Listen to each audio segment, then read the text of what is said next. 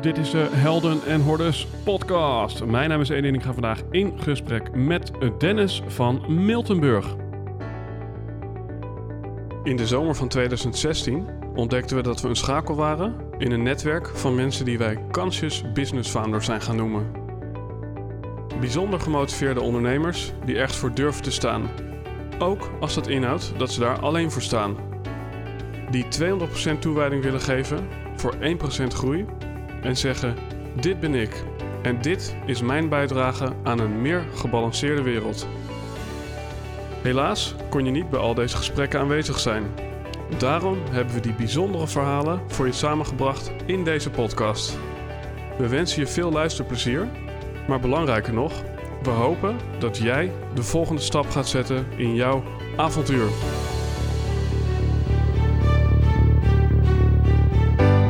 Ladies and gentlemen, ik ga vandaag in gesprek met Dennis van Miltenburg. En jij dacht misschien, waar is dat nieuwe muziekje, want ik hoor nog steeds de oude. Yes, dames en heren, ik had een leuk liedje gevonden, maar was hij wel leuk genoeg? Was hij beter dan de huidige jingle? Want ik kreeg van heel veel mensen te horen, moet je niet gewoon de jingle laten voor wat het is en misschien de voice-over veranderen, omdat die een beetje outdated is na deze honderdste aflevering. En daar ben ik nog steeds niet helemaal over uit.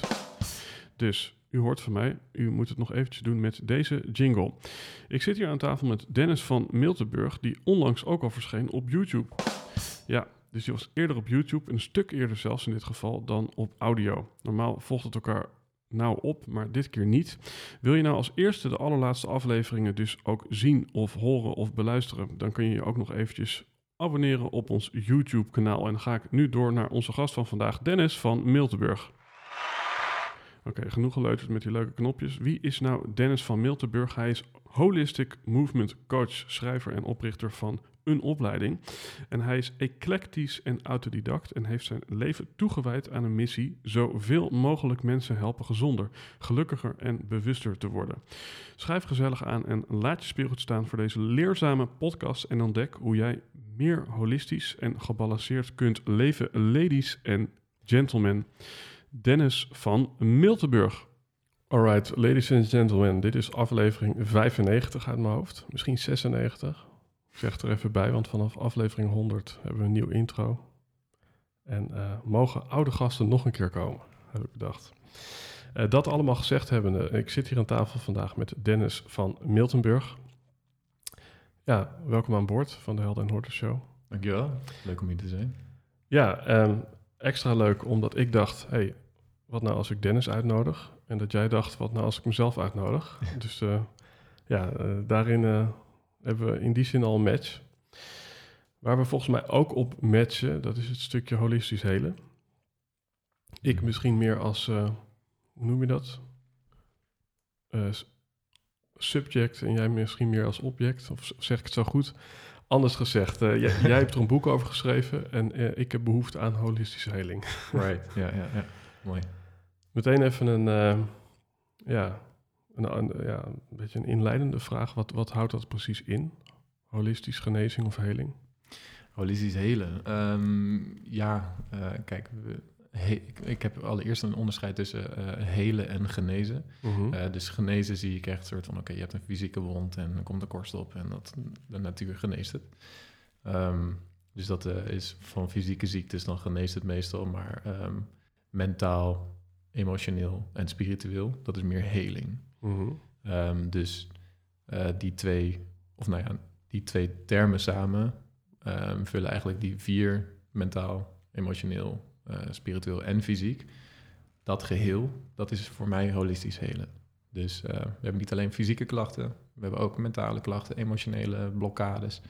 Uh, en op spiritueel vlak, nou, al die stukken zijn in principe ook spirituele lessen die je eruit kan halen, maar dat geheel ja, is holistisch voor mij. Ja, en voor wie is dat? Nou, iedereen die een lichaam heeft en uh, emoties heeft en een mind heeft. En, uh, dus ja, holisme klinkt uh, tegenwoordig altijd zo, zo zweverig, maar het, ik heb het zo praktisch mogelijk gemaakt als het maar kan. Want het is gewoon, je hebt anatomie, je hebt psychologie, de emoties hebben gevolgen van psychosomatiek en dergelijke. En nou, tegenwoordig is ook al heel veel onderzoek over kwantumfysica en, en, en van alles over, over de ziel eigenlijk. Mhm. Of in ieder geval energie. Dus ja, dat heb ik gewoon een beetje gecombineerd. Mooi. Als we kijken naar eh, ja, holistisch helen, dan is het dus, eh, ja, het woord holisme zijn net als voor iedereen, maar het woord helen dus eigenlijk ook. Ja. Dus je hoeft niet ziek te zijn om te helen. ja, ja, ja. Nee, ja, eh, dat is een goeie. Ehm, kijk, we hadden het hier vooraf al een beetje over ontwikkelen natuurlijk. En dat zie ik, zie ik ook een beetje samen als helen. Je bent elke keer... Helen en ontwikkelen is ook gewoon een soort van groei. Ehm, je bent niet zoals je zou kunnen zijn. Eh, we kunnen altijd verder ontwikkelen. En stel dat je ergens al bent en je bent uitgeheeld of uitontwikkeld. Ja, wat moet je dan nog doen hier? Ja. Je bent hier ook een beetje om te leren, om nieuwe ervaringen op te doen en te groeien. En ja, te leren van voorgaande fouten. Dat is gewoon pure evolutionaire ontwikkeling. En heling zit daar ook bij. Ik hou zelf van, uh, van uh, ja, woordkunst. Hm. En helen, daar zit het woord heel worden in eigenlijk. Hm. Zou je daarin kunnen zeggen dat we op allerlei manieren afgescheiden zijn geraakt? Uh, dat we niet heel zijn. Ja, dat we eigenlijk het tegenovergestelde van heel is, dus afgescheidenheid zou je kunnen stellen. Is, is, dat, het, Ja. is dat het probleem wat je oplost? Uh, hopelijk zoveel mogelijk. Ik bedoel, ja, ik heb nog nooit iemand ontmoet die volledig heel is. Of ik weet niet per se hoe het eruit ziet. Of we zijn allemaal al heel. Maar um, om op je, vra je vraag te beantwoorden. Zijn we onszelf een beetje verloren? Zijn we niet meer heel? Uh, ik wil zeggen, ja, dat klopt. We zijn niet meer zoals we waren. Maar goed, ik weet ook niet hoe we voorheen waren. Ik kan niet heel ver terug in, de, in het heel, verleden kijken. Heel ver. Ja, ja precies. Dus in, de, in die zin um, is er denk ik altijd wel een bepaalde disbalans waar we aan mogen werken. En um, nou ja, ik, werk, ik zie ook in mijn praktijk en, en iedereen die mijn boeken leest, uh, um, moet ook heel veel wonden en trauma's van oudere generaties oplossen. Uh, jouw ouders waren op een bepaalde manier, uh, nou moet ik het oplossen, maar dat gaat heel ver terug. Maar goed, als jij nu kinderen gaat krijgen, jij hebt ook weer bepaalde dingen die je overgeeft. Dus het is ook wel een eindeloos proces. Maar ik denk dat elke generatie wel uh, nieuwe stappen kunnen zetten. En we leven nu ook echt in, in de tijd van informatie. Dus deze extra informatie kan echt helpen om ja, steeds meer, steeds meer inderdaad heel te worden eigenlijk. Ja. Ja. Uh, ja. Je kan ook zeggen tegenovergestelde van heel is, ja, dan zei ik net afgescheidenheid, maar je zou kunnen stellen tegenovergestelde van iets wat heel is, is iets wat gebroken is. Als je bijvoorbeeld denkt aan een glas. Hmm. Was er iets in jou gebroken waardoor je deze reis bent gestart? Ja, ja zeker. Um, nou, allereerst ongetwijfeld heb ik wel wat dingetjes van mijn ouders meegekregen. Zeg, ik heb geweldige ouders, een prachtige band, maar um, wat ik zei, elke generatie neemt vast wel wat mee. Maar Mhm. um, uh, op mijn dertiende is mijn zus verongelukt. En uh, ja, dat was gewoon zo'n heftige klap, zeg maar. Zo'n trauma uh, waar ik ja, tien jaar over heb gedaan. Al niet langer om echt om te rouwen, omdat ik ook niet wist wat mij overkwam. Uh, uh, hoe ik ermee om moest gaan. Niemand legt je uit hoe je moet rouwen, hoe je moet huilen, hoe je het moet verteren, verwerken. En, en, en, hoe kwam je dat ter oren? Hoe, was je er zelf bij of hoe, hoe ging dat? Um, zij is. Uh, nee, ik was er niet bij. Um, zij was afgestudeerd. Uh, of nee, sorry, uh, ze was klaar met de middelbare school. En um, zij is toen op eindexamenreis gegaan met een vriendin van haar. Mm -hmm. uh, met de ouders. En op de terugweg zijn ze verongelukt. Dus eigenlijk de dag dat ze... Uh, de volgende dag dat zij aan zou komen... toen stonden er twee politieagenten voor de deur. Ja, ja. ja en toen, toen zakte mijn leven wel een beetje ja. in elkaar. Ja, vooropgesteld dat dat, dat heel logisch klinkt...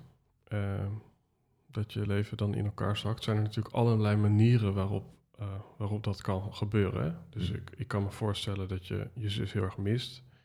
Maar het zou ook kunnen dat je ja, een soort van beeld van hoe de, hoe de werkelijkheid is compleet verandert. Dus dat je misschien denkt van, oh, het leven is niet zo onfeilbaar. Of, of iets, weer iets anders, dat je ineens een soort fobische angst krijgt voor, uh, voor het verkeer. En dan bang bent dat jou hetzelfde overkomt. Maar Mm. op wat voor manier ja, trok het een, soort van griffel uh, in jouw leven?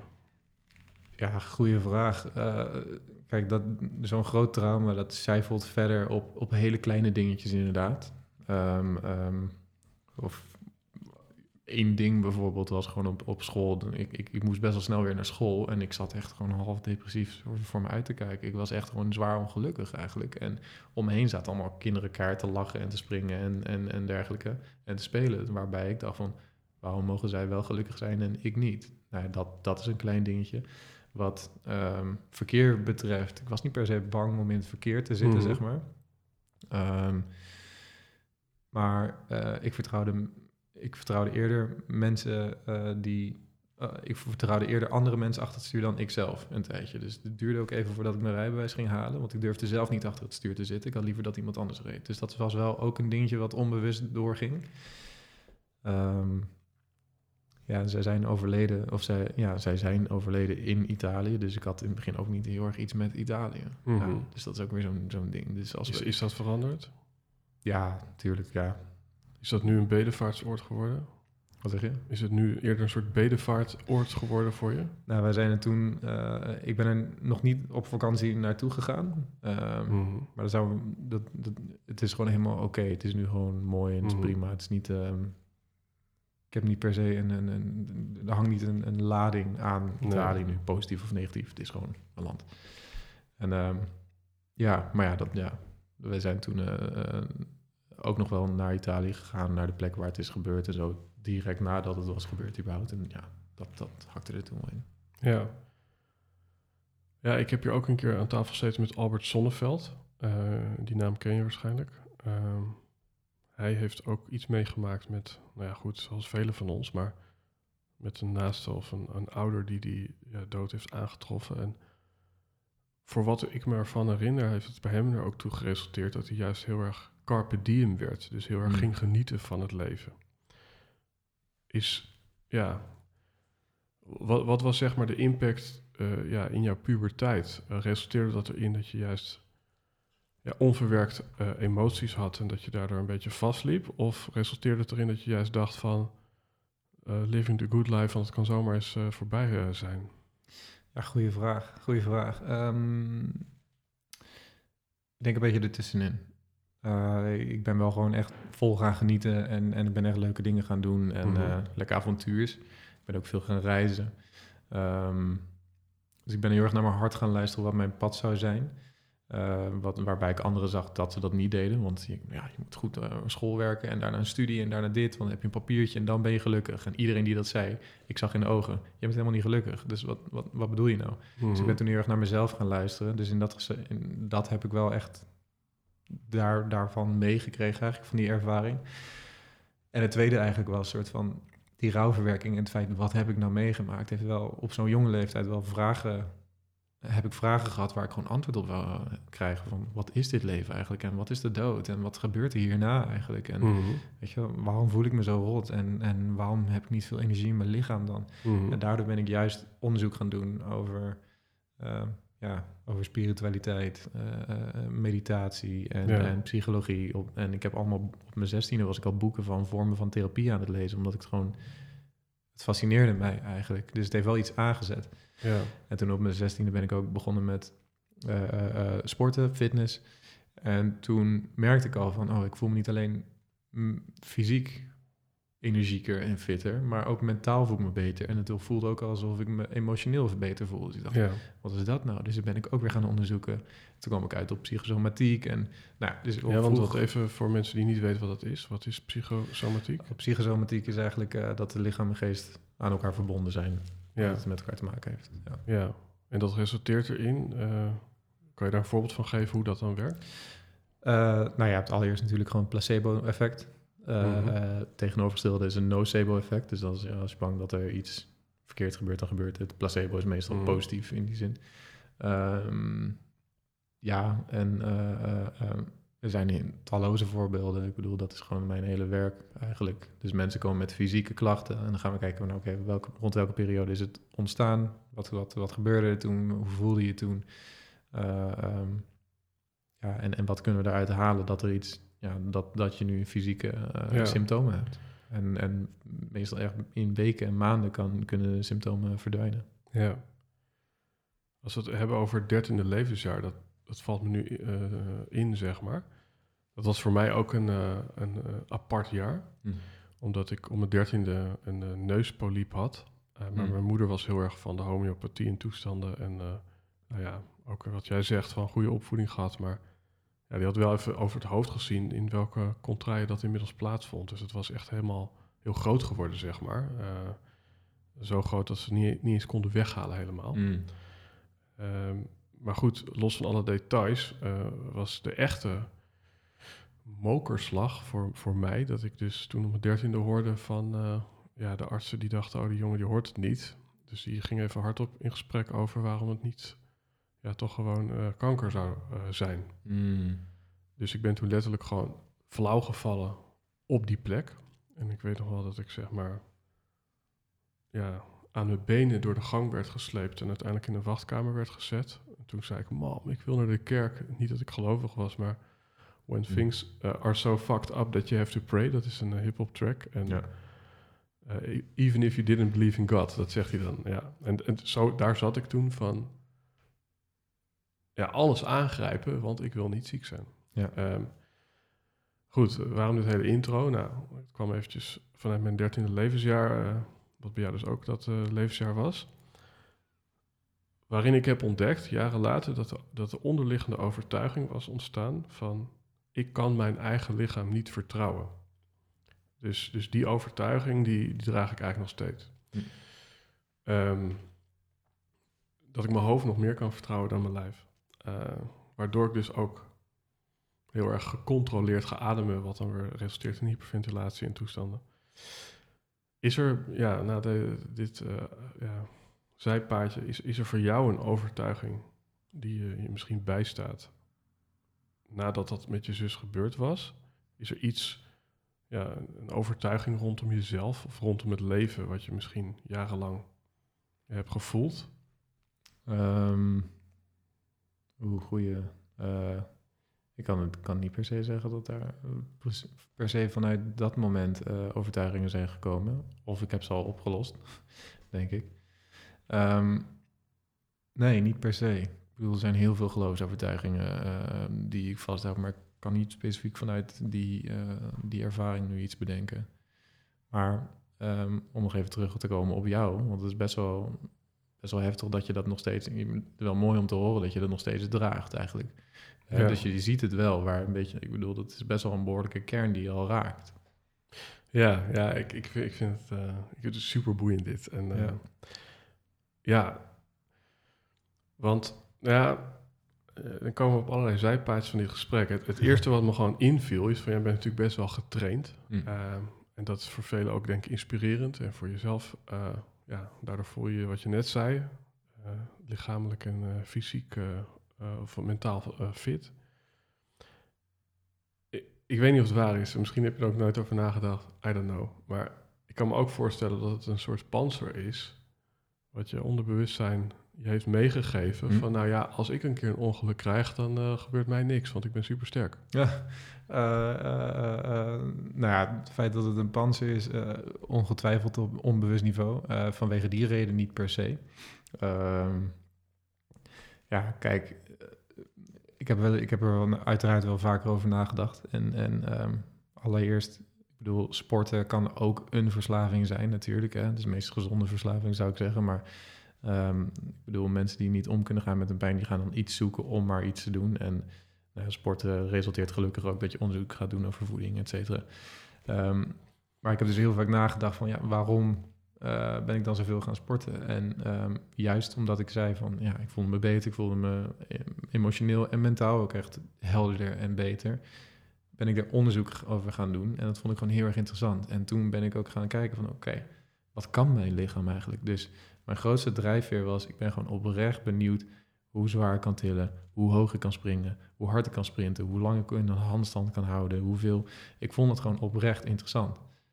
Maar daarnaast zit, als ik iets groter ben en ik ben 16, misschien willen jongens dan minder snel met mij vechten. En misschien vinden meisjes het ook wel interessant. Terwijl jongens, het, ik meer complimenten van jongens op. Je bent aan het trainen in plaats van meisjes. Maar ook die dingen, ja, dat zit er ongetwijfeld achter.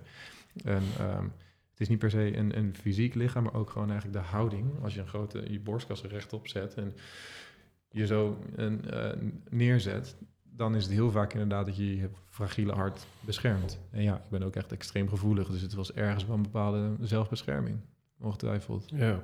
Ja. Even, ehm,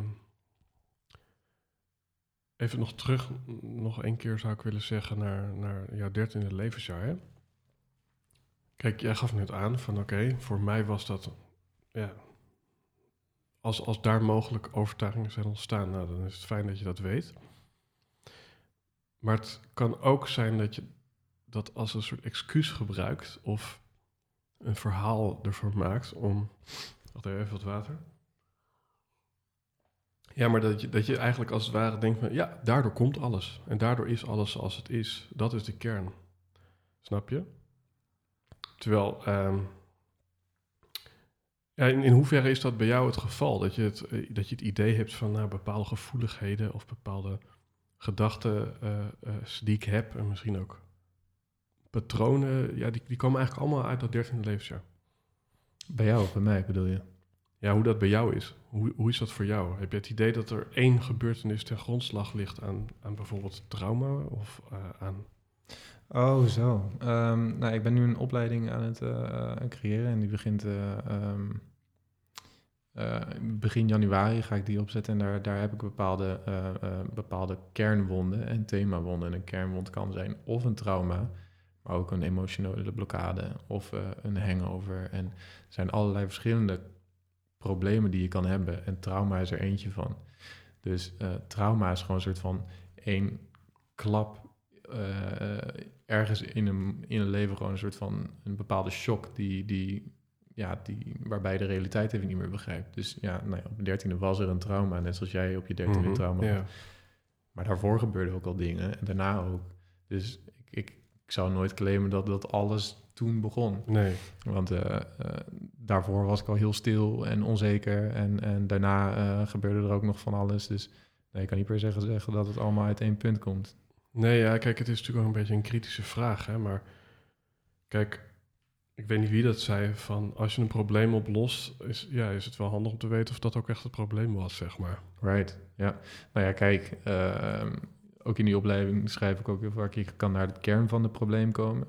Maar daaronder ligt nog heel vaak een thema. Het is gewoon een heel thema wat doorloopt in je leven. Dus het ker de kern is gewoon één van de oplossingen. En dan kan je heel veel oplossen. Dan moet je wel je werk doen. Dat is leuk om te zien waar het vandaan komt. En dan, ja, nou kijk, daar komt het vandaan. En dan kan je het gebruiken als een excuus. Maar je moet er ook wel wat aan doen. Ja. ja en ik bedoel, die ervaring die je net benoemde, die was gewoon wel heftig. Dat je ook flauw viel en dat je ook echt dacht van, ja, kan ik mijn lichaam wel vertrouwen? En je zegt, ik draag hem nog steeds, dus je weet waar het vandaan komt. Maar heb je er ook daadwerkelijk iets mee gedaan? En je kan die vraag bijvoorbeeld ook omdraaien. Ik vertrouw mijn lichaam niet, maar vertrouwt je lichaam jou wel eigenlijk? Mooi, ja. Die ga ik echt, uh, die ga ik nog even processen, even digesten, zeg maar. Ja, interessant. Een goede vraag. Um, waar ik nu het antwoord ook uh, niet op heb. Um, ja, en dan hebben wij misschien, zou je kunnen stellen, toch een, een voordeel. Uh, omdat we in ieder geval een van die ja, brain freeze momenten, noem ik het maar even. Ja, ja, jij hebt toch een soort van heel duidelijk schilderijtje van toen gebeurde er iets. Het is heel logisch dat toen de politie voor de deur stond, ja, dat, dat het iets met mij heeft gedaan. Net zoals dat bij mij misschien heel logisch was. Verkeerde diagnose weliswaar, maar goed, uh, hm. in mijn beleving was het allemaal echt zo. En dan is het misschien voor de luisteraar haast frustrerend van ja, maar ja, ik weet niet of er bij mij echt zoiets gebeurd is, een soort van life-changing event, waardoor ze dus ook niet ja, een heel duidelijke situatie hebben waaruit ze kunnen opmaken waarom ze nu doen wat ze doen en hoe ze dus ja, hoe, hoe kom je bij de kern als je misschien zoiets niet hebt meegemaakt? Right. Ja, nou ja, kijk, stel, uh, stel uh, de cliënten die ik heb, die komen ook niet per se naar mij met meteen de oorzaak van het probleem. Hè? Zo dit is gebeurd, kun je mij vertellen wat er nu aan de hand is? Nee, ze, ze komen meestal, een soort van andersom, ja, dit is aan de hand. Wat, ja, waar komt dat vandaan?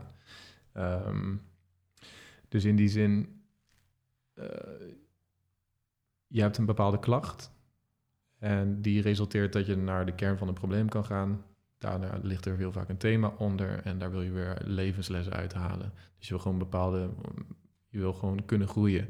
En wij hebben misschien een zwaar trauma meegemaakt en het is nog niet, ja, ik, ik, ik mag zoiets niet vergelijken, maar een soort van, sommige mensen hebben veel ergere dingen meegemaakt of meerdere dingen meegemaakt. Je kan het niet vergelijken, maar ehm, het is een van de dingen. En het is ook heel vaak dat mensen naar mij toe komen met problemen, uh, met, met klachten of wat dan ook. Niet eens fysiek, maar mentaal of relatieproblemen of zakelijk problemen. Dan kan je ook gewoon ergens, je kan het ergste er terug herleiden. Het hoeft nooit alleen maar hetzelfde ding te zijn. Het kan elke keer iets anders zijn of mhm. meerdere dingen die je hebt meegemaakt. Misschien hebben ze hetzelfde thema, maar daar kom je achteraf pas achter. Um, uh, en ja, het is vaak wel wat terug te herleiden. Het is niet dat je nu in één keer iets nieuws creëert. Um, ja, jouw brein werkt al gewoon een x aantal jaar en die heeft wel bepaalde paden gecreëerd. En het ontstaat ergens van, uit positiviteit of negativiteit. En als het uit positiviteit ontstaat, dan good for you. Keep going. En als het vanuit negativiteit ontstaat, dan kan je er ook weer goed mee omgaan. Een soort van kopingsmechanisme wat positief werkt. Maar soms is het ook, zit er nog een schaduwzijde onder. En daar wil je gewoon naar kijken. Wat, wat houd je daar nog tegen? Of hoe kan je nog sterker worden daarin? Of hoe kan je dat stuk helen, zodat je nog meer heel wordt? Dus het is, uh, um, de kern van het probleem is niet altijd per se uh, de oplossing. Je moet er ook wel echt iets mee doen. Heb je ook uh, andere broertjes of zusjes? Ja, oudere zus. Ja. Is, is zeg maar hoe zij zich verhoudt tot wat er toen gebeurd is heel anders? Iedereen gaat er wel anders mee om. En dat, dat maakte natuurlijk een, dat maakt natuurlijk heel mooi. En er werd toen al gezegd, er werd ons al gewaarschuwd eigenlijk van ja, het ene gezin uh, um, groeit dichter naar elkaar toe, maar een andere gezin die drijft juist uit elkaar. Uh, bij, gelukkig zijn wij ook echt naar elkaar toegegroeid, maar iedereen gaat anders ermee om. Iedereen ziet het anders, ervaart het anders, voelt anders. En dan moet je juist zien te respecteren en accepteren. Dus we doen het samen, maar je doet het ook heel erg alleen, eigenlijk. Ja, ja, ja. Ja, en dan komen we op het thema uh, moeilijke dingen doe je altijd alleen, zeiden, de Indianen stammen ooit. Hm. Heb jij de heling die je tot nu toe hebt bereikt, is dat een resultaat van dingen die je alleen hebt gedaan, gevoelsmatig? Ja en nee. Dat is een hele goede vraag. Ehm, juist omdat ik dat waarschijnlijk, nou gaan we even terug naar een soort kern. Juist omdat ik uh, uh, die interesses had. En, dat is ook nog een keer een ding. Dus ik had op een hele jonge leeftijd had ik interesses in, in dingen waarbij de term holisme bestond voor, voor mijn idee nog niet eens. Het stond nog niet echt in het woordenboek. Uh, maar ik vond verschillende onderwerpen interessant die je aan elkaar kon verbinden. Maar ik kon het met niemand delen. Iedereen zat op een middelbare school. Zo, zo drank uitgaan en, en, en meisjes en zo. Dat vonden ze interessant. Ik ook, maar ik vond dit ook heel interessant. En um, uh, dus daarin voelde ik me heel erg eenzaam. En met de rouwverwerking wist ik niet hoe dat werkte. Hoe moet ik iets verwerken? Hoe moet ik rouwen? Uh, dus daarin was ik ook eenzaam, zeg maar. Um, even kijken, ik ben even je vraag ook weer kwijt. Wat stel je weer? Ja, even kijken, wat was de exacte vraag? Uh, ja, of je, of je dat altijd alleen doet, het proces van helen. Oh ja, ja precies. Dus, dus dat hele uh, ontwikkelingsproces en helingsproces van, van niet alleen mijn rouwverwerking, maar gewoon allerlei dingen waar ik in mezelf opkwam, heb ik heel veel alleen gedaan. Uh, ik ben toen op een gegeven moment ook naar Peru gegaan, heb ik ayahuasca gedaan. Nou, dan doe je het onder begeleiding van shamanen, dus doe je het niet helemaal alleen. Maar ik kwam uiteindelijk een vier, vijf jaar terug, uh, kwam ik een mentor tegen. En die heeft me toen heel erg begeleid. Dus al die, ja, in tien jaar tijd heb ik alles alleen gedaan. Toen ben ik heel ver gekomen. Maar die mentor leerde mij eigenlijk, heling vindt ook plaats in interactie met een ander. Dus hij ging mij heel vaak coachen en uh, mij begeleiden en voor me zorgen. En toen kreeg ik andere vrienden die er ook voor mij konden zijn. Ja. Uh, uh, die heel wijs waren of goed konden spacelen. En ik kan bijna zeggen dat ik twee keer zo snel ben gegroeid in die tussentijd. Dus je hoeft het niet alleen te doen. Je mag ook hulp vragen, ja. weet je wel. En, en, maar daar is een beetje een onderscheid wat ik altijd wel een beetje in waarschuwen. Weet je wel, hoe voelt het in interactie met de ander? Weet je wel, kan die ander je aanhoren en zeggen van, ja, rot man, ja, kut man, uh, succes. Ja, dat is niet per se helend. Het is wel fijn dat iemand het even hoort. En sommige mensen kunnen het niet aan wat je zegt, weet je wel, die, die gaan juist dicht, die gaan naar achter.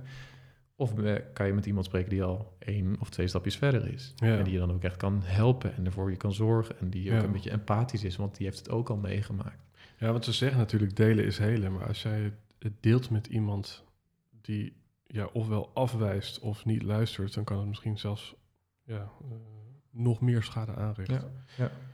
ja, in de opleiding beschrijf ik ook uh, drie verschillende conversaties: een doelloze cons uh, conversatie, destructief of helend. Weet je, wat, wat, ja, wat ja, ja. ja. Mooi.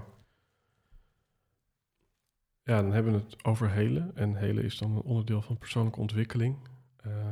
Volgens mij was jij degene die zei dat dat een term is die vroeger nog niet werd gebruikt. Ja, ik ken het in ieder geval toen niet. Laat ik het zo nee, ja, precies. Maar goed, ik kan me ook voorstellen dat het een beetje een nieuwe tijdskindje is. Hè? Dat mensen in, uh, in het jaar 1500 niet echt bezig waren met zelfhulp, uh, zeg maar. Weet ik niet trouwens. In, in, in de westerse wereld misschien niet. Maar goed, uh, ik bedoel, de, de Indianen en allerlei andere stammen... die waren wel degelijk bezig met shamanisme en, en, en dat soort dingen. Dus. Ja. Ja, wat ik heb ook een stuk begrepen... dat het, ja, je moet natuurlijk ook de ruimte hebben. En als jij zeg maar eten en drinken moet zoeken en onderdak... dan is er natuurlijk wel minder ruimte voor. Dus Ja. daar, daar heeft het misschien ook betrekking toe. Ja.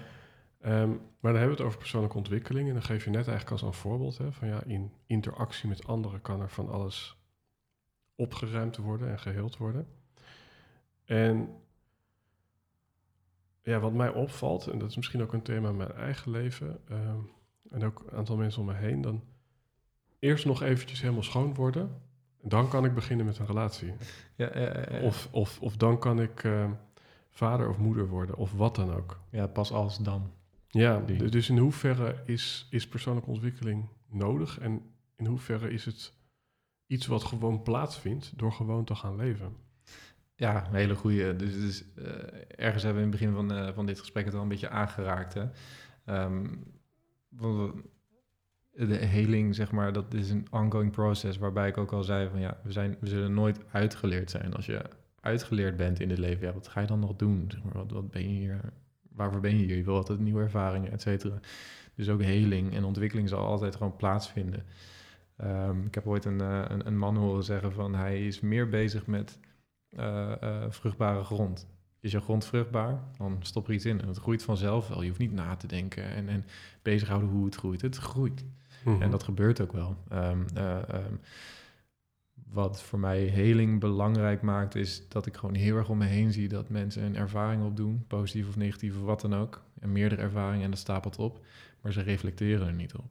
Dus ze kijken niet terug. Wat heb ik, hier, wat heb ik hiervan geleerd? Wat kan ik hiermee? Wat, wat was prettig? Wat was niet prettig? Eh, hoe had ik anders kunnen reageren? Eh, eh, dus we kijken niet echt terug. Soms is het gewoon wegstoppen en doorgaan, wegstoppen en doorgaan. En dan ga je in zo'n sympathisch systeem zitten. En dan krijg je inderdaad een soort van vorm van oververwerktheid, hyperventilatie of weet je wel. eh, dan bedoel je hebt, je hebt herinneringen voor een reden om te leren van het verleden. Dus wat kan je nog leren? Hoe kan je nog eventjes terugkijken? En, en dat is wel een essentieel gedeelte voor mij voor, voor heling. Al helemaal als je dan heftige dingen hebt meegemaakt. Ik bedoel, als kind zijnde is het logisch dat je dan het wegstopt.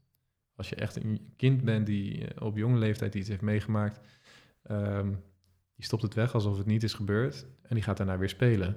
En logisch, dat moeten ze ook echt doen. Want als, een als een jong kind de hele tijd mee gaat zitten van wat is er net gebeurd, ja, dan gaat hij niet een hele leuke jeugd hebben. Dus eh, om het weg te stoppen is een, is een natuurlijk evolutionair kopingsmechanisme om gewoon nog een prima jeugd te hebben, zeg maar.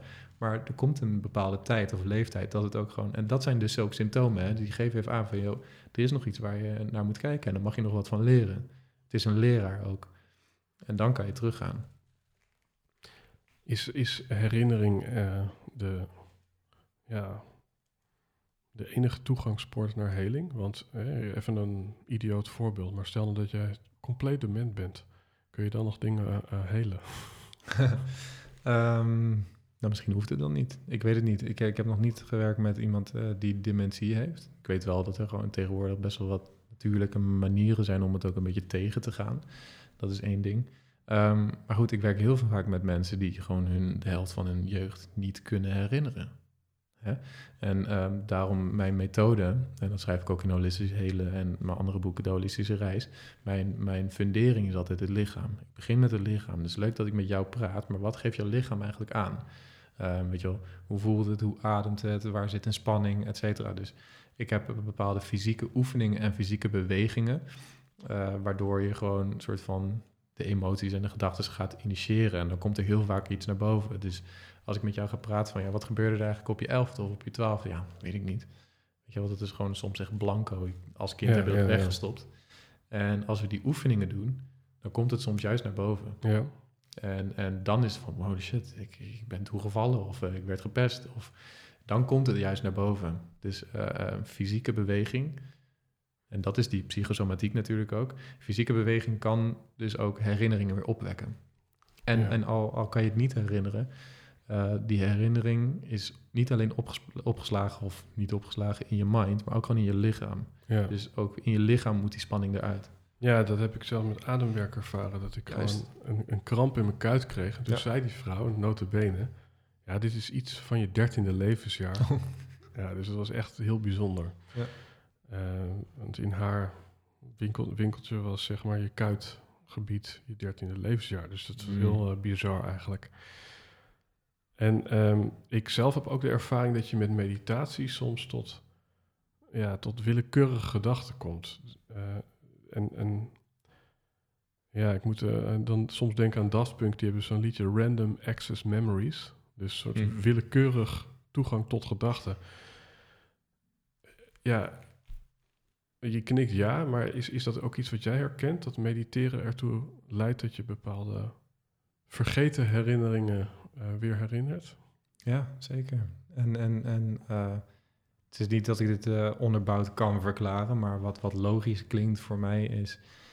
ehm, we zijn constant zo bezig. Als ons brein, als intellect aanstaat, zijn we gewoon actief, alert. En dan zijn we bezig in het nu en een beetje in de toekomst en misschien een beetje in het verleden. Eh, maar als je je mind gewoon dusdanig kan, nou niet uit kan zetten, maar iets meer kan, kan op een lager pitje kan zetten, dan kan gewoon je onderbewustzijn gewoon naar boven komen. Ik bedoel, dat is wat dromen doen eigenlijk. Dan zit je ook in een heel laag Ja. bewustzijnsniveau. Dan ga je naar het onderbewustzijn. En met, met eh, ja, gewoon een meditatie, als ik soms een uur zit te mediteren, dan komen er in één keer hele leuke, random, eh, leuk of minder leuk, maar komen echt random eh, herinneringen naar boven. Dat ik nog kan zien van, oh, zo was ik zo. Of toen was ik zo. En oh, toen gedroeg ik me op die manier. Of, oh ja, ik kan me nog herinneren dat mijn vader... Ja, dat komt dan wel terug. Ja. In hoeverre, eh, ik, ik stel deze vraag wel vaker, maar in, in hoeverre is er bij jou sprake echt van transformatie? En dan bedoel ik niet eh, eh, de omvang van je biceps, bij wijze van spreken, maar in, in hoeverre heb je echt het idee, ja, hier zit nu een andere Dennis dan vijf jaar geleden of dan tien jaar geleden. En dat komt door, ja, bewust aan de slag te gaan met heling. Nou ja, to be fair, ik hoop eigenlijk dat ik ook niet hetzelfde ben als, als vorig jaar en, en, en dat jaar daarvoor. Want een soort van, we, zijn, we, hebben, we hadden het al over ontwikkelen. En ehm, aangezien het ook gewoon een natuurlijk proces is, hoop ik niet dat ik hetzelfde ben. Want dat betekent dat ik niks heb geleerd dat jaar. Hè? Ja. Maar ehm, om nog specifieker in te gaan op je vraag. ehm, ja, kijk, de methode die ik heb uitgewerkt tot een opleiding. het- ik vind het nog steeds heel gek om te zeggen, maar het werkt. We gaan de diepte in, we, we hele wonden. eh, ehm, eh, ja, er, vindt gewoon transformatie plaats. En, het is niet per se dat ik dat heb gecreëerd. Ik bedoel, ik heb gewoon bij elkaar gehaald wat, wat werkt. Ik heb heel verschillende vormen van genezing en, en ehm, alternatieve vormen eh, bij elkaar gegooid en, en het werkt. Dus, en ik heb het natuurlijk ook toegepast op mezelf. Want wie ben ik om aan jou te vertellen wat je, wat je moet doen of waar je naar moet kijken als ik het zelf niet heb gedaan? Ja. Ehm, in mijn opleiding leer ik ook mensen een bepaalde regels. En dat is, ik zal jou nooit een pad opsturen die ik zelf niet belopen heb. Hè, dus ik doe het wel eerst zelf. En ik voel mij, ehm, ja, met, met, met, met de maand, met het jaar, nou laat ik zeggen met, met het jaar, voel ik mij wel groeien. Ja, want, en hoe, hoe constateer je de groei? Want ik bedoel, net zoals een moeder zijn eigen kind eigenlijk niet groter ziet worden omdat hij Mm. hem iedere dag ziet. Ja. Ja, is het ook volgens mij heel moeilijk om jezelf groter te zien worden of te Ja, zien groeien. Best wel simpel eigenlijk, de omvang, omvang van mijn biceps. nee, dat is, eh, eh, het is ook een beetje een gevoel. Hè? En, en eh, je wil een beetje ver terug kunnen kijken van, nou ja, eh, eh, misschien is het ook gewoon een beetje de manier hoe ik denk. Dat kan natuurlijk ook. Ik, ik voel gewoon eh, van, oh, nou ja, we hebben bepaalde gesprekken of bepaalde eh, gesprekken met mijn ouders. Ehm, en vroeger zou ik me dan af en toe nog een beetje ehm, ergeren aan, aan bepaalde.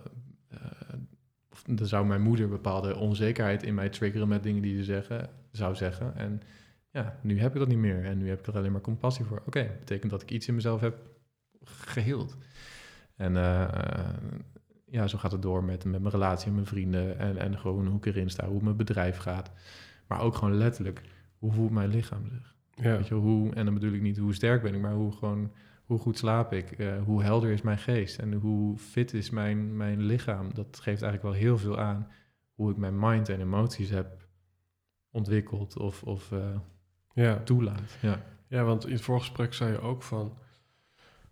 Ja, ehm, door eigenlijk op tijd in te checken bij hoe je je voelt... voorkom je inderdaad dat er van alles eh, gebeurt wat je niet wilt. Ja. En ik herinner me ook dat je zei dat je even wat minder wa- was gaan sporten... eh, omdat je eigenlijk het op andere vlakken heel druk had. En dat vond ik ook wel interessant. Omdat ja, als sport inderdaad heling is... eh, waarom... Niet altijd. Nee, precies. Dus hoe zit dat? Hoe, Ja, wanneer ja. is sport een... eh, ja, Ja, kijk, eh, eh, nou, mijn, mijn opleiding bestaat uit drie delen. En het eerste deel gaat echt om het trainergedeelte, echt het fysieke lichaam, veel meer. En daar leer ik ook eh, mijn studenten ook een, een soort stappenplan. En dat, gaat, dat heeft te maken met de hoeveelheid stress die je hebt eigenlijk. Dus als je bijna geen stress hebt, doe dan een hele workout. Of ga lekker klimmen, of ga lekker sprinten, of, of doe wat je leuk vindt. Ik bedoel, je bent fit, je voelt je goed. Heb je een beetje stress, doe dan de helft van de workout. Of ga even iets rustiger aan doen. Of doe de helft van de tijd of de helft van het gewicht wat je wilt tillen of noem maar op. Heb je veel meer stress, ga dan iets doen wat yin is. Weet je wel, opladen, ga wandelen. Ga yin yoga doen. Eh, ehm, weet je wel, of ga rustig even fietsen. Doe gewoon iets van beweging, zodat je eigenlijk weer, dat je ook echt terugkomt van, ah, ik voel me beter. In plaats van dat je, ik ben kapot. Eh, en als je echt te hoge stress hebt, ga dan slapen. Of mediteren. Gewoon Ja. niet, niet bewegen. Dus dat is gewoon een beetje een, een range van hoeveelheid stress die je hebt. ja. En, en dan ga ik weer een eh, lastige vraag stellen van... eh, hoe weet ik hoeveel stress ik heb? Want ik kan me voorstellen dat iemand die heel erg goed is in voelen door de jaren heen... jij dus bijvoorbeeld... Nou, wel weet eh, hoe, hoe- het zit met het Hmm. stresslevel... maar hoe, hoe, weet, hoe weet ik dat, bij wijze van spreken? Ja, ehm, eh, ik leer, leer mijn cliënten en studenten ook gewoon luisteren naar het lichaam. Daar komt het wel een beetje op neer. Dus je, die, je, de voorgaande vraag van hoe kan je eigenlijk zien hoe ver je bent gegroeid? Ja, je lichaam geeft het ook aan. Weet je wel, wat is je houding? Hoe, zijn je ogen dof of juist helder? Ehm, ehm, kan je gewoon rustig diep vanuit je buik ademen of, of adem je meer vanuit je borst? Eh, eh, als je in de spiegel kijkt, kan je best wel aangeven wat jouw niveau van vitaliteit, fitheid en energie is. Als ik heel veel stress heb, dan hangt mijn gezicht ook een beetje. En dan, zit, dan, kan ik, dan kost het heel veel moeite om rechtop te zitten. Zit mijn ademhaling waarschijnlijk hoger, dat met elke ademhaling mijn schouders omhoog gaan. Ik bedoel, je lichaam geeft het wel aan. Je hartslag kan je eventueel meten als je dat wil. Ja, ja, ja. Ja, nee, ja, boeiend. Nee, omdat ik, ik, als je het dan hebt over die hartslag... eh, volgens mij is, die was bij mij volgens mij in rust 57. Volgens, volgens mij is het gewoon prima. Hm. Ik heb geen, geen idee trouwens, maar... Ik heb wel eens gehoord tussen de 60 en 80 is eh, gemiddeld. En dan zit je... Ik kan het, ik kan het ook niet meer, eh, dat weet ik niet. Nee, maar goed. Wat ik ervan begrepen heb, is dat een sporthart zit tussen de 40 en eh, 60. Dus dan, nou ja, dan is 57. Dat, dat is wel aardig oké. Misschien was er bij mij dan niet echt sprake van... Ja, dat klinkt misschien een beetje heftig, maar eerder depressie dan stress. Eh, Ja. En d- dat zat er maar een beetje in van... Ja, misschien is dat ook wel ondernemer eigen. Maar ik had heel veel doelen gesteld en die heb ik eigenlijk allemaal gehaald. Mm, ja. En, en ja, en, er- en daarnaast dingen die dan heel vitaal zijn, zoals bijvoorbeeld eh, inderdaad je gezond voelen of, of liefde of gezelligheid of zo. eh, die lukte dan even iets minder in die periode. Maar goed, eh, op, op zich, nou ja, goed, ik, ik weet ook niet waarom ik dit zeg, maar is stress voor jou een soort van spectrum waar, waar alle negatieve emoties invallen? Of? Nee. Nee. Ik, ik, eh, ik, eh, ik ben niet eens zo heel veel bezig met stress. Dus als, als, als focus, zeg maar. Ehm, Nee, stress is meestal een beetje het gevolg van waarom is er eigenlijk stress. Daar ben ik meer benieuwd naar in plaats van, oh je moet je stress verlagen, dus ga maar ademhalingstechnieken doen of zo. Nee, waar komt het vandaan? Wat, wat maakt het dat je zo gestrest bent of hoog ademt?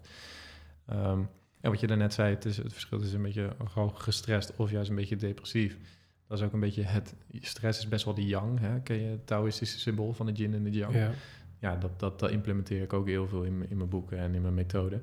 Ehm, en wat ik net zei eigenlijk, hè, die, die, die stressmeter van uh, ga keihard sporten, dat is yang. Het kost energie, maar dan krijg je op lange termijn wat voor terug.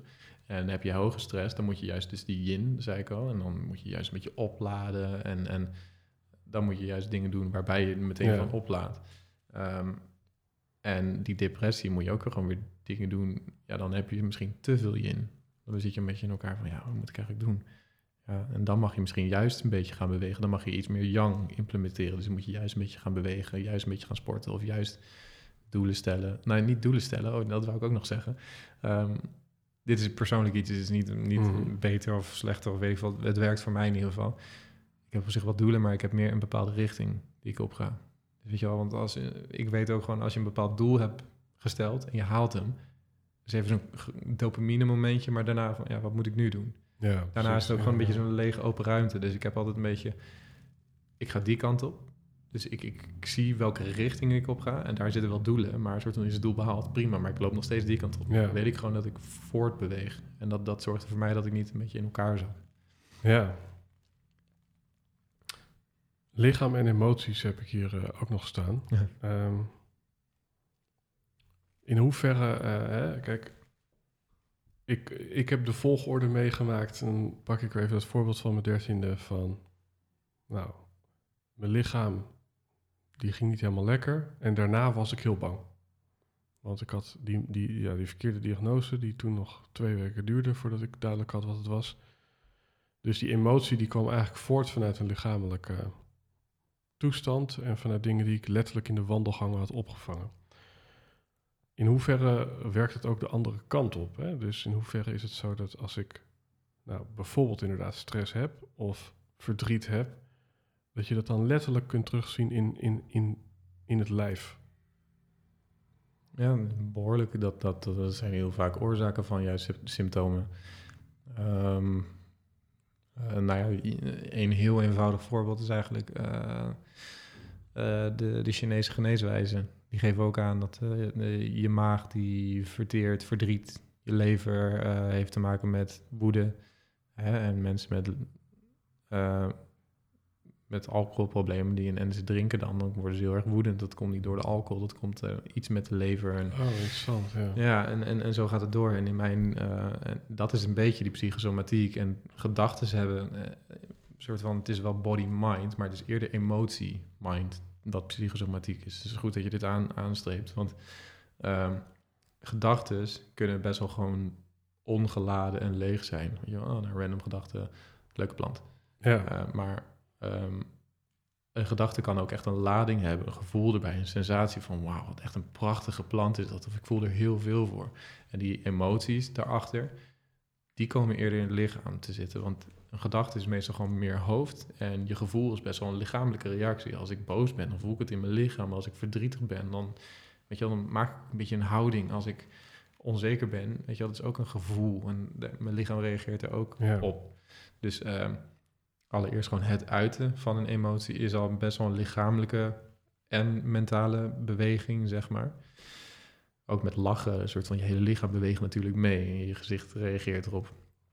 Ehm, ehm, en als je dat dan wegstopt en als je dat onderdrukt, ja, dan waar moet het naartoe? Ja, in het lichaam gaat het ergens zitten. En als jij, um, ik, ken, ik ken zoveel mensen in, in mijn praktijkruimte die, ja, vanaf, of de ouders die waren gewoon nooit boos, dus zij ook niet. Uh, of er werd gewoon een soort van boos zijn of huilen, werd gewoon, nee, je mag hier niet huilen. Of stop nu met huilen, of je mag niet boos zijn. Ja, die stoppen het allemaal weg, totdat ze gewoon wel bepaalde fysieke klachten krijgen. Dus het zijn wel, het zijn wel echt van die basisdingen die ik vraag aan mensen. Van oké, okay, um, weet je ben je in balans, slaap je goed, uh, eet je gezond? Kan jij, kan jij bepaalde emoties wel of niet uiten? Ja, uh, ja dat is wel echt een belangrijke. Hoe, hoe uit je emoties? Ik bedoel, bedoel ik niet uh, nou uh, door uh, een omgekeerde lachen en dan kan je gaan huilen. Maar wat zijn manieren om tot die dieper liggende woede of emotie te komen? Ja, daar, daar is mijn grotendeels van mijn opleiding op gebaseerd. Ik heb bepaalde ontladingsoefeningen ontwikkeld, waarbij je je fysieke lichaam initieert en dan um, volgen. Het zijn specifieke bewegingen die, waarbij emoties dan heel vaak volgen. Uh, en een klein voorbeeld is bijvoorbeeld, ja, oké, heb je boosheid weggestopt? Doe maar, word nu maar boos. Doe maar even. Ja, dat werkt niet. Dus wat ik dan doe, is ik leg een, een, een stootkussen op de grond. En ik laat mensen gewoon met een vijzer er gewoon heel hard op slaan. Dat moet, want als je een kind ziet, um, die kan helemaal staan pijn maken. Die gaat helemaal schredden en strappen en die kan helemaal schreeuwen. Dus, en, en, en daarna kan hij ook weer verder spelen. Dus dat is gewoon een gezonde manier om even die boosheid, de frustratie eruit te gooien. En wat zijn wij? Ja, ja ik ben boos. Of je zit helemaal ja. Je zit helemaal binnen te houden of, of je uit het op een ongezonde manier. Dus dan beter als je nog al die onderdrukkingen van vroeger uit op een stootkussen, dan daarna nou, er gebeuren hele bijzondere dingen meestal. Dus heb ik ook uh, allerlei ontladingsoefeningen voor andere, andere emoties en, mhm. andere trauma's, pijn. En, ja. Ja. Want inderdaad, als je nou, bij boosheid kan, kan je dat dus door inderdaad op een kust te gaan slaan, uh, om, oh ja, optrommelen letterlijk. Ja. En dan, het is een emotie uiten, hè? daarna is het ook gewoon uit je systeem. Mooi. Ja. En hoe, ik kan me voorstellen dat het met bijvoorbeeld verdriet nog lastiger is. Ja, daar heb ik ook een, een, een oefening voor, die is ook wel intenser, ja. ja. Oké. Maar het is ook heel vaak, uh, onder de boosheid ligt heel vaak ook verdriet. Hè? Dus meestal als mensen juist dan even op een kussen slaan, daarna komt vaak automatisch al verdriet. Want het kan ook zijn als je meerdere emoties onderdrukt, eigenlijk. Uh, um, dan word je ook een beetje emotieloos. Uh, in mijn boek uh, Holistische Hele gebruik ik ook een voorbeeld van een, hoe heet het weer, metronoom. Die zo heen en weer tikt voor muziek ja. tellen, zeg maar. Als je hier positieve emoties hebt en hier negatieve emoties, maar je wil die negatieve emoties zoals verdriet en, en jaloezie en boosheid, die wil je niet voelen, dan gaat hij ook niet meer daar naartoe. Dan blijft hij een beetje in het midden. En dan ben je een soort van een robot of een zombie. Dus ja. als je een paar dingen wegstopt, dan, dan, ja, dan ik bedoel, je limbisch systeem die ziet niet het verschil tussen positief en negatief. Het is gewoon voelen. Dus als je niks, bepaalde dingen niet wil voelen, dan ja, wordt het best wel neutraal. Een beetje NAM noemen ze dat toch? Ja. ja. Interessant. Ja, jij bent volgens mij ook iemand die eh, de, de Body Keeps the Score, dat is volgens mij ook een boek. Jij kunt, ja. dus waarschijnlijk zie je nu aan mijn houding uh, nou ja, dingen die je net al zei, van gezichtsuitdrukking, maar misschien ook pose. Daar kun jij dingen aan zien, toch? Mm Ja. Ja. En nou ja, los van uh, dat we hier een soort van uh, use case van gaan maken. Mag hoor, maar ik kan me dan voorstellen van... Um, nou, dus blijkbaar heeft die houding heeft er invloed op... Ja, op ook weer twee kanten op. Dus misschien als je rechterop gaat lopen, dan voel je je beter. Ja. Maar uh, ook de andere kant op. Dus ja. als je beter voelt, ga je meer rechtop lopen. Ja, eh, ongetwijfeld. En dat is het interessante, dat het twee kanten op gaat. Daar is, daar is grotendeels mijn eerste boek, De Holistische Reis, op gebaseerd. Uh, wat je daar een beetje kan zien is, nou ja, als ik, als ik nu tegen jou zeg van, uh, ja, dit vind ik echt een, een, hele lelijke plant. Dan kan je zeggen, oh ja, dan, dan zak je meteen een beetje in. Ja. Dan zak je meteen naar voren. Maar als ik zeg van, uh, ja, mooie microfoon of een toffe koptelefoon, dan, oh, ja, dank je. En dan ga je meer, ja. het is meteen een houding van, oh, leuk. Dus het, is wel, het doet wel iets. Uh, er is ook onderzoek uh, daar als je, het is gewoon pure psychologie ook, hè, en natuurlijk psychosomatiek. er is onderzoek gedaan naar een soort van een publiek die in tweeën werd gesplitst. De ene moest een pen zo horizontaal in de mond doen, waardoor een beetje die mondhoeken werden aangespannen. Uh, en de andere helft moest het soort van in de lengte gewoon um, uh, vasthouden of in de mond doen, waardoor de lippen bij elkaar werden gebracht. En dan werd er een mop verteld en de mensen die uh, de horizontaal, dus die wangen al aanspannen, die vonden de grap aanzienlijk veel leuker dan die mensen die half al aan het fronsen waren. Ja, ja, dus zo werkt het wel. En in mijn boek De Holistische Reis schrijf ik ook een, um, een voorbeeld. En dat is ook een holistische beweging in mijn opleiding, een bepaalde boog. Dus dan als je jezelf helemaal groot zet en helemaal uitrekt. Je maakt jezelf gewoon je kan diep ademhalen en je wervelkolom gaat naar extensie, dus naar achter. Maak je gewoon letterlijk, je, ik weet niet, ik kan niet meer goed herinneren en ik schrijf, ik schrijf het wel, maar um, Je lichaam maakt dan meer testosteron aan en minder cortisol, dus minder stresshormoon. Puur omdat je je werfkom naar achter en diep gaat ademhalen. Waardoor je gewoon oprecht gewoon beter voelt. Het tegenovergestelde dus, als je jezelf kleiner maakt, dan is het minder testosteron en meer cortisol.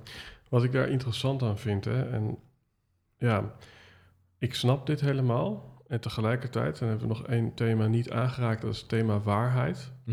En ik moet denken aan Frank Bruining, een vriend van mij, die zegt, eh, ik weet niet of je hem kent, maar hij heeft zo'n meditatieopleiding en hij, hij zegt van ja, voor mij is het eigenlijk allemaal eerlijkheid op dit moment. En uh, weet je wel, van ben je eerlijk naar jezelf en ben je eerlijk naar je partner of naar je beste vriend? Um, weet je wel, van er zijn nog steeds zoveel momenten dat je misschien kunt constateren dat je niet eerlijk bent. En als je dat eigenlijk nou, meer, ja, meer uh, in, in, in waarheid gaat leven of in eerlijkheid, dan, uh, ja, dan, dan heeft het allerlei positieve effecten. Maar wat, wat ik, waar we het nu over hebben, dat is toch een beetje fake it till you make it. Dus, dus als ik nu helemaal in waarheid ben en ik voel mij niet vrolijk, ja, dan kan ik wel een glimlach gaan faken, maar, maar, maar, maar is dat dan wel oké? Okay? hele goede vraag, hele goede vraag. Uh, voor mij is het ook weer een cliché, maar een ja en een nee. Kijk, um, gaat het jou helpen voor de rest van de dag? Ja, voel je dan oprecht ook heel beter en kan je iets helderder denken of iets positiever in het leven gaan staan die dag? Ja, helpt het op lange termijn? Uh, nou, nee, tenzij je het elke dag doet, maar als je het een keer een dag niet doet. Ja, dus het is wel, ja, je maakt nieuwe neuropatronen aan in je brein, dus die realiseert dat je steeds positiever bent. Maar um, aan de andere kant, je trauma's en je wonden, die zijn er nog steeds. Ja. Dus je kan wel de hele tijd zo. Dus ik, ik heb ook echt mensen ontmoet die zo overdreven vrolijk waren. En dan, ja, dat is ook een, kan ook een kopingsmechanisme zijn. Mensen kunnen echt gewoon lachen om alles en, en, en gewoon een enorme glimlach opzetten. Terwijl er zit heel veel pijn van binnen. En dat is dus niet eerlijk zijn naar jezelf. Dus als ik gewoon echt heel veel verdriet heb en ik ga mezelf forceren om te lachen, ja, mag, maar ik zal het niet elke keer doen. Nee, dus die kern van het probleem, die, is dan, die wordt niet aangepakt. Maar zit jij in zo'n lage space en je voelt je gewoon echt niet lekker en je gaat je forceren om wel even je groot te maken en te lachen en, en dergelijke. Ja, dan zijn dan even die eerste paar stapjes die geen kwaad kunnen om het volgende werk te doen. Ja. Ja, nee, het is inderdaad in die zin allemaal uh, vrij genuanceerd, denk ik. Hm. Ik moet ook denken, dat is ook weer een, eh, een lastige dilemma, zou ik bijna willen stellen. Maar er is een schrijver van een Deens boek, en dat heet Standvastig. Dat is echt al een heel bijzonder boek over uh, psychologie en over een wereld waarin we meer, beter, leuker en groter willen. En daardoor eigenlijk nooit tevreden zijn met het huidige moment. Hm. Uh, hij geeft een soort van ja, hij noemt het het anti-zelfhulpboek. Dat is ook wel interessant. Maar daar beschrijft hij ook je, dat het, op het moment dat jij een emotie hebt um, en jij gaat uh, daar, uh, ja, wat wij dan allemaal leren, heel erg naartoe. Dus we gaan helemaal erin duiken. Dan kan het juist daardoor ja, heel soort van dramatisch worden. En daardoor dus ook opgeslagen worden Waardoor jij misschien iedere volgende keer dat jij... Ja, wij spreken... Ik heb deze telefoon laten dan vallen en dan zit er een kras op. En, nou, en ik vind dat dan kut. En dan ga ik helemaal een soort van me verbinden met die emotie. Mm. Ja, dan is iedere keer dat ik die telefoon pak, dan barst ik misschien een jank uit. Weet je wat? Dus, dus, dus, dus in hoeverre is het belangrijk om, om emoties altijd aandacht te geven? Even, even vanuit jouw perceptie. Goeie. Uh, kijk, als je het dan, kijk, als je een, je, we zijn hier ook wel gewoon om, wat ik daarnet al zei, gewoon om te voelen en, en sensaties te ervaren. Dat is ook een beetje, een beetje wat, wat het leven kleur maakt. Ook het negatieve. Dus als je iets voelt en, en uh, ik ben verdrietig om iets, dan mag je best huilen. Maar over het algemeen duurt een emotie 90 seconden. En daarna is het soort van, als je dan langer doorgaat, dan is het of je blijft erin hangen, of je uit nog een beetje pijn van vroeger. Oh ja, tof, dus als je bepaalde emoties van vroeger nog niet hebt ontladen, dan moet dat er ook uit. En misschien duurt dat langer dan, dan zoveel, dan 90 seconden. En het is wel goed dat je dit aankaart, want uh, uh, waar ik heel erg zorgvuldig bij ben, is soort van mensen kunnen ook een lekkende wond hebben. Dus je kan een beetje verslaafd zijn aan het verdrietig zijn of aan het boos zijn. Um, ja, dus er, kan, er kunnen bepaalde onzuiverheden zijn, waardoor je in een ja, in een emotie kan blijven zitten. En dan is het zo, ja, stap eruit. Laat het los. En dan duw het maar weg. En focus dan op iets anders. Geef dat niet zoveel aandacht meer. Dus dat is er ook. Maar ik zou niet zeggen elke keer. En als je dan, Ja. eh, als je dan meteen, meteen zegt van... nou ja, ik ben boos en dat mag niet... want misschien blijf ik erin zitten... dus ik ga het niet uiten. Ik weet niet of dat een goed idee is. Ja, nee, ik vind het boeiend, want in, die- in die zin eh, voegen we allerlei nuances toe. Het is niet straight NLP met, Nee. eh, met inderdaad een potlood in je mond lopen, maar het is ook niet eh, zoals in het leger van eh, emoties. Nou ja, en, en om dat eigenlijk een heel mooi, mooi aan te sluiten op het thema wat je wou bespreken, en dat is waarheid. Ik ben alleen maar onderzoek gaan doen wat over het algemeen werkt, maar aan de andere kant, mijn waarheid is niet toepasbaar op jouw waarheid. Dus als ik tegenover iemand zit, en dat leer ik mijn studenten ook, je bent constant bezig met wat jouw waarheid is. Wat, is wat, wat werkt voor die ander? Wat voor jou een balans is, kan voor mij echt totaal niet werken. Dus voor iedereen, ik denk dat iedereen een andere vorm van waarheid heeft. Er zijn bepaalde dingen die voor iedereen misschien een beetje werkt. Ik bedoel, suiker is gewoon niet altijd best voor geen enkel lichaam. En, eh, dus, dus, maar dan nog, zeg maar, wat werkt het beste voor jou? En dat is best wel belangrijk, want heel veel coaches en, en, en therapeuten en noem maar op, die zijn er gewoon, ja, ik weet het, ik heb het antwoord. En dit is aan de hand met jou en dit moet je doen, want dat heb ik ook gedaan. Nou, weet ik niet. nee. Dat weet ik echt niet. Ik heb geen idee wat voor jou werkt. En dat is juist het leuke om uit te zoeken. Dus wat is jouw waarheid? En misschien kan ik daar ook nog wat van leren. Ja. Kun, kun je dan misschien beter worden in onderzoeken of in luisteren? Ja. Ja? Ja, daar word je wel beter in, ja. Ja, en, en eh, is, heb je daar nog een soort huistuin- en keukentips voor, eh, voor de luisteraar om nou, misschien zichzelf beter te leren kennen? Ehm, wat luisteren betreft bedoel je? Nou ja, dus, dus jij neemt bijvoorbeeld voor jezelf waar van... oké, ik moet nu even wat minder gaan sporten. Maar ik denk dat genoeg mensen helemaal niet weten van... ja, ik, ik, ik weet eigenlijk niet of ik eh, nu moet gaan sporten of niet. Ja, ja, ja. ja. Nou ja, kijk, in, in mijn boeken beschrijf ik ook wel behoorlijk hoe je naar je lichaam kan luisteren. In mijn opleiding ga ik daar nog veel dieper op in. Ehm, maar dat is dus voor mij de fundering. Luister eerst naar je lichaam. Wat heeft het nodig? Voelt het zich goed? Voelt het zich veilig? Voelt het zich energiek? Ehm, bijvoorbeeld, we nemen elke ochtend een kop koffie om, eh, ik, omdat we gewoon moe zijn. Dus dan drinken we het maar om beter te, om ons energiek te voelen. Maar eigenlijk geeft je lichaam gewoon aan, ik heb weinig energie, dus doe weinig vandaag. Ga het niet compenseren met iets externs. Mhm. Nee. Dus, dus eigenlijk ook gewoon nooit koffie drinken als je het nodig hebt. dat is even een Ja. side note. Maar dus ehm, als eerste luisteren naar je lichaam. Dat vind ik het allerbelangrijkste. En dat leren luisteren, dan zit je van, ja, oké, wat, eh, wat moet ik? Eh, Hoe voelt het zich? Nee, dat, dat, dat, daar kom je steeds vanzelf maar meer achter. Maar goed, dat, dat leg ik dus ook in mijn, in mijn methode uit. Dan echt luisteren naar je hart, naar je intuïtie. Van wat voel ik? Welk, ja, welke emoties spelen daar? Wat voelt het beste pad? Of wat moet ik dit wel doen? Moet ik dit niet doen? Wat voel ik? En daarna pas eigenlijk dat kunnen onderbouwen met je, met je intellect, met je mind. Ja. Geloof jij in een concept eh, zoals burn-out? En ik zeg nu even dat het concept is, maar ehm, wat ik daarmee bedoel is... Ja, in hoeverre leeft jouw mind en je body gewoon van dag tot dag? Hè? Dus daar bedoel ik mee van, oké, als je van... van- ik heb eens gehoord, slaap bijvoorbeeld kan je niet inhalen. Ja. Weet je, dus dan kan het vandaag een goede dag zijn... ehm, omdat je goed geslapen hebt en omdat je goed gegeten hebt. En in, hoe, in, in hoeverre is bijvoorbeeld echt over vermoeidheid heen komen een meer maanden of jarenplan? Of heb je het idee van, nou, dat bestaat eigenlijk niet, dat is meer iets wat we bedacht hebben? Ehm, waar wil je nu een beetje op tijd? Je hebt het nu over tijd, zeg maar. Ja, nou kijk, eh, ehm, als je iedere dag nieuwe cellen krijgt, hè, dat is een beetje filosoferen Ja, ja, ja. dit. Ja, wie zegt dan dat ik maanden nodig heb om te herstellen van vermoeidheid, bijvoorbeeld? Ja, dat verschilt dus ook echt per, per lichaam. Hoe snel gaat jouw metabolisme? Wat, wat, eh, wat heb je meegemaakt? En, en wat is überhaupt jouw bouw en, en eh, je genetische lijn? Dat is, daarom, je kan, je kan niet per se estimeren hoe lang het duurt. Nee. Ik heb mensen van... ehm, ehm, ik heb verschillende mensen van verschillende... of van soms van dezelfde klacht afgeholpen. En de ene doet er een paar weken over en de andere een paar maanden. Het is ook een soort van, ja... Hoe doe je, wat voor werk doe jij? Let je ook Ja. wel dan echt op je voeding? Doe je dat één keer of doe je dat elke dag? Heb je een keer een uitschieter en eh, ga je toch maar toch even drinken met vrienden en slaap je dan weer heel slecht? je mag ook leven. Weet je, je mag ook genieten. ja, Een soort van heling en ontwikkeling hoeft niet zo gestructureerd, keihard, geforceerd te zijn. Je mag ook gewoon genieten. Dus dan, soms duurt het langer. Maar ik, ik vind tijd ook gewoon helemaal niet belangrijk. Ik heb niet, wat ik al zei, ik weet de richting. Ik heb niet per se een Ja. eindpunt.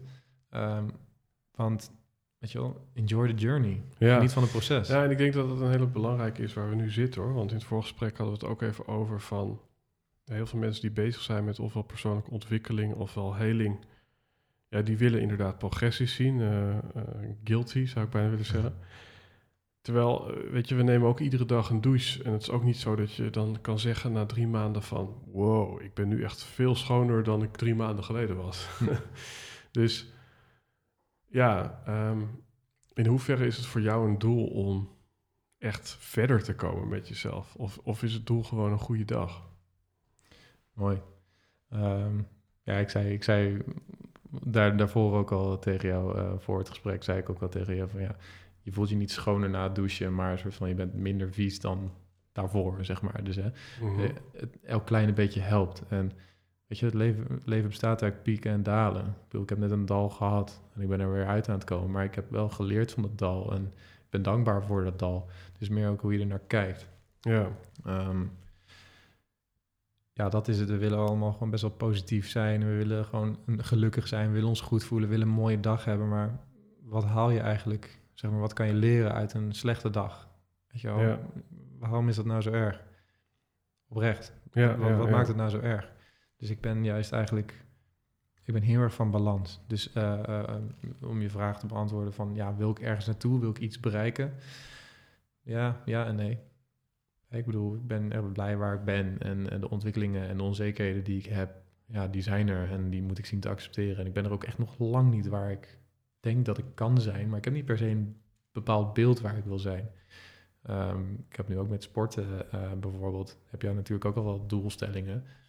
En ehm, eh, ehm, nu heb ik een, een, een trainingsmaatje die gewoon zo aanzienlijk sterk is dat ik denk van, ik, ik dacht dat ik sterk was, maar ik kan helemaal niks. En dat voor, ook voor mij motiverend betekent niet dat ik een einddoel heb, maar van, oh, een beetje kijken of ik bij hem kan bijhouden. Ja, Nou, top. Ja. Leuk, leuk doel. En lukt het niet, dan lukt het niet. Ja. En, en hetzelfde met ehm, ja, mijn bedrijf. Het, eh, het, het gaat uiteindelijk ergens naartoe. Maar laat het ook een beetje organisch ontwikkelen. Misschien is dat een beetje het beste antwoord. Laat het gewoon lekker organisch ontwikkelen. Ehm, je weet nooit wat er in de toekomst gaat gebeuren. Je kan een bepaald, bepaalde intentie plaatsen. Mhm. En je mag er naartoe werken. Maar laat het ook een beetje zijn zoals het is. En dan zijn we bijna het klokje rond. En ik kijk nog even naar de mobiel. Ehm, nou ja, ik, ehm, ik, ik vind het mooi dat, dat, er, dat er niet een hele duidelijke links of rechts in dit gesprek eh, naar voren komt. Ehm, en dat het dus vooral ook aankomt op jezelf, volgens mij leren kennen. eh, ja, goed leren luisteren, eh, goed leren voelen. Is er op dit moment in het gesprek, en dan ja, is er iets, weet je wel, van kijk, je bent jong en van de andere kant heb je bepaalde dingen ook ten overvloede eh, mogen ervaren. Ik denk dat je veel mensen mogen begeleiden. Je hebt natuurlijk eh, ja, in je jeugd iets meegemaakt dat we lang niet allemaal eh, meemaken, zeker niet op die leeftijd. Je hebt denk ik een bovengemiddeld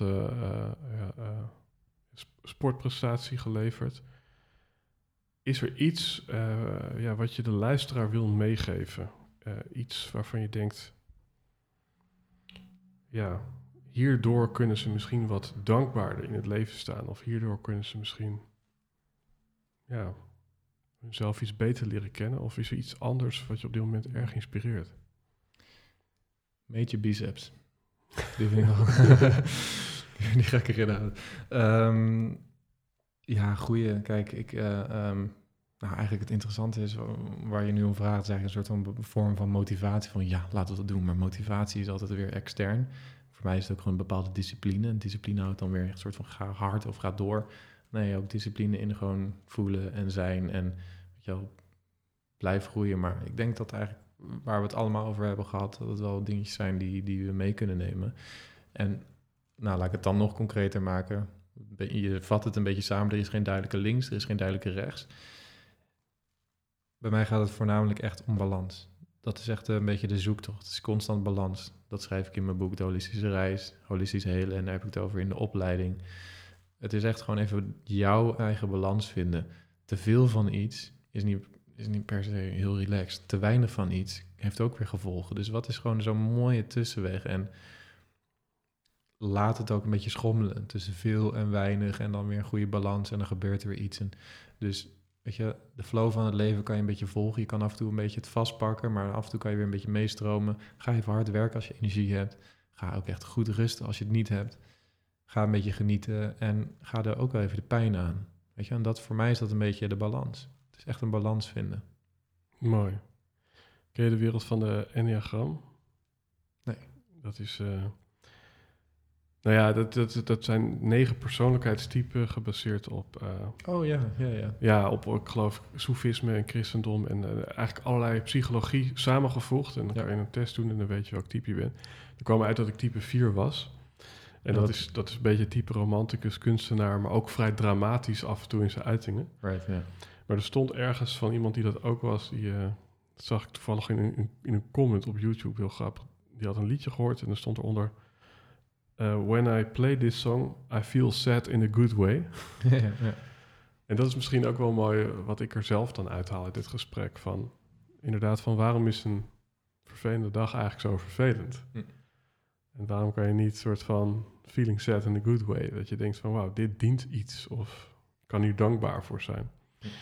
Dus ehm, over dankbaarheid gesproken, eh, dank je wel dat je hier eh, bent geweest. Ja, ja, Ehm, bedankt. Ja, fijne energie en eh, ik kan me op een of andere manier goed aan jou eh, relateren in de manier waarop je dingen ziet. Eh, misschien ook wel de, de gevoeligheid die je toch hebt. En ik vind dat, vind dat ook mooi. Ik had hier vorige keer een gesprek met Sander Aarts, iemand die bij Special Forces zat en uiteindelijk toch ook ja, een klein hartje heeft. Ehm, Hm. Over balans gesproken. Dus fysiek krachtig en dan toch ook de kwetsbare eh, kant.